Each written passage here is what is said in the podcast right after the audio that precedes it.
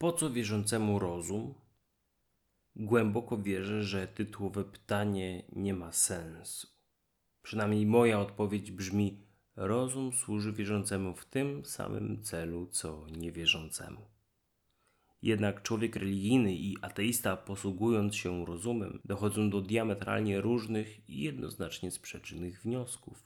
Ateiści będą w tej sytuacji upierać się przy tym, że ludzie wierzący są nierozumni lub nie posługują się zdroworozsądkową logiką, natomiast osoby religijne będą postulować wyższość wiary nad rozumem.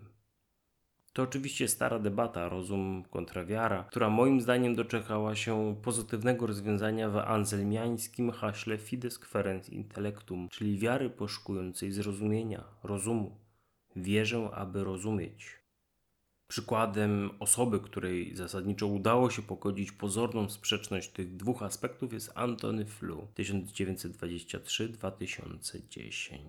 Pomimo iż przez prawie całe swoje dorosłe życie był płodnym i czołowym filozofem ateistą, to na kilka lat przed śmiercią przyjął wiarę w istnienie Stwórcy w rozumieniu absolutu Arystotelesa, nazywaną w skrócie deizmem.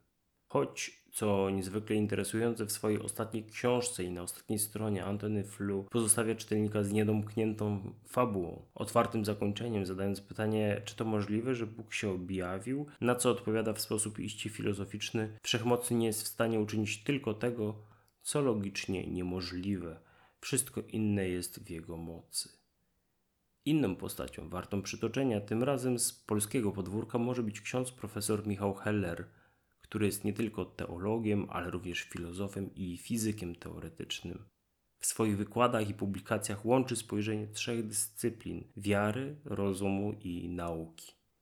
Ciekawe jest to, że zarówno w grupie osób wierzących, jak i niewierzących takie jednostki jak Antony Flew czy Michał Heller mogą być postrzegani jako zdrajcy. Osoby wierzące, o ile tylko sięgną po ostatnią książkę Antonego Flew czy teksty Michała Hellera, a następnie je zrozumieją, szybko zauważą, że teologia tych dwóch panów jest zupełnie inna od teologii denominacyjnej, potocznej, jaką można usłyszeć na kazaniach w kościele.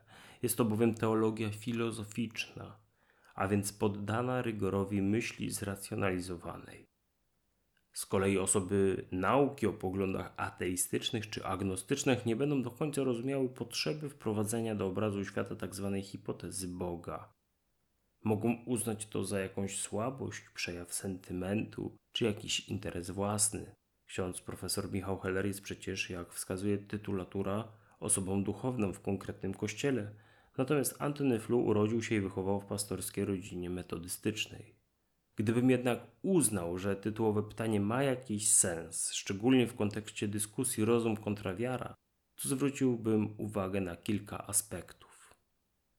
Rozum jest Bożym darem i przejawem, choć niedoskonałym, rozumnej natury Stwórcy. To za pomocą rozumu dostrzegamy racjonalność wszechświata, dzięki czemu nie tylko zachwycamy się nim, ale również domyślamy się jakiegoś projektanta. To rozumem kierują się wierzący, wybierając religię i wyznanie, o ile nie kierują się tradycją rodzinną, starając się określić, która opcja religijna ma większy, a która mniejszy sens. Dzięki rozumowi wiarę można przetłumaczyć, dosłownie tak jak tłumaczy się z innego języka, prozelitom, a także niewierzącym i inaczej wierzącym.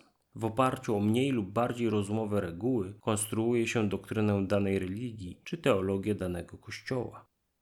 Refleksja rozumowa pozwala wykrywać błędy organizacyjne, pragmatyczne, teologiczne czy nawet etyczne w danych religiach i wyznaniach, dzięki czemu kościoły chrześcijańskie nie postulują dzisiaj geocentryzmu lub niewolnictwa.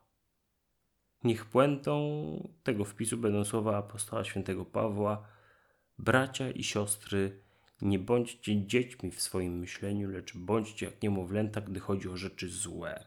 W myślach waszych bądźcie dojrzali. Pierwszy list do Koryntian 14:20. Dziękuję za uwagę i do usłyszenia. Sensoholik, czyli Konrad Pasikowski.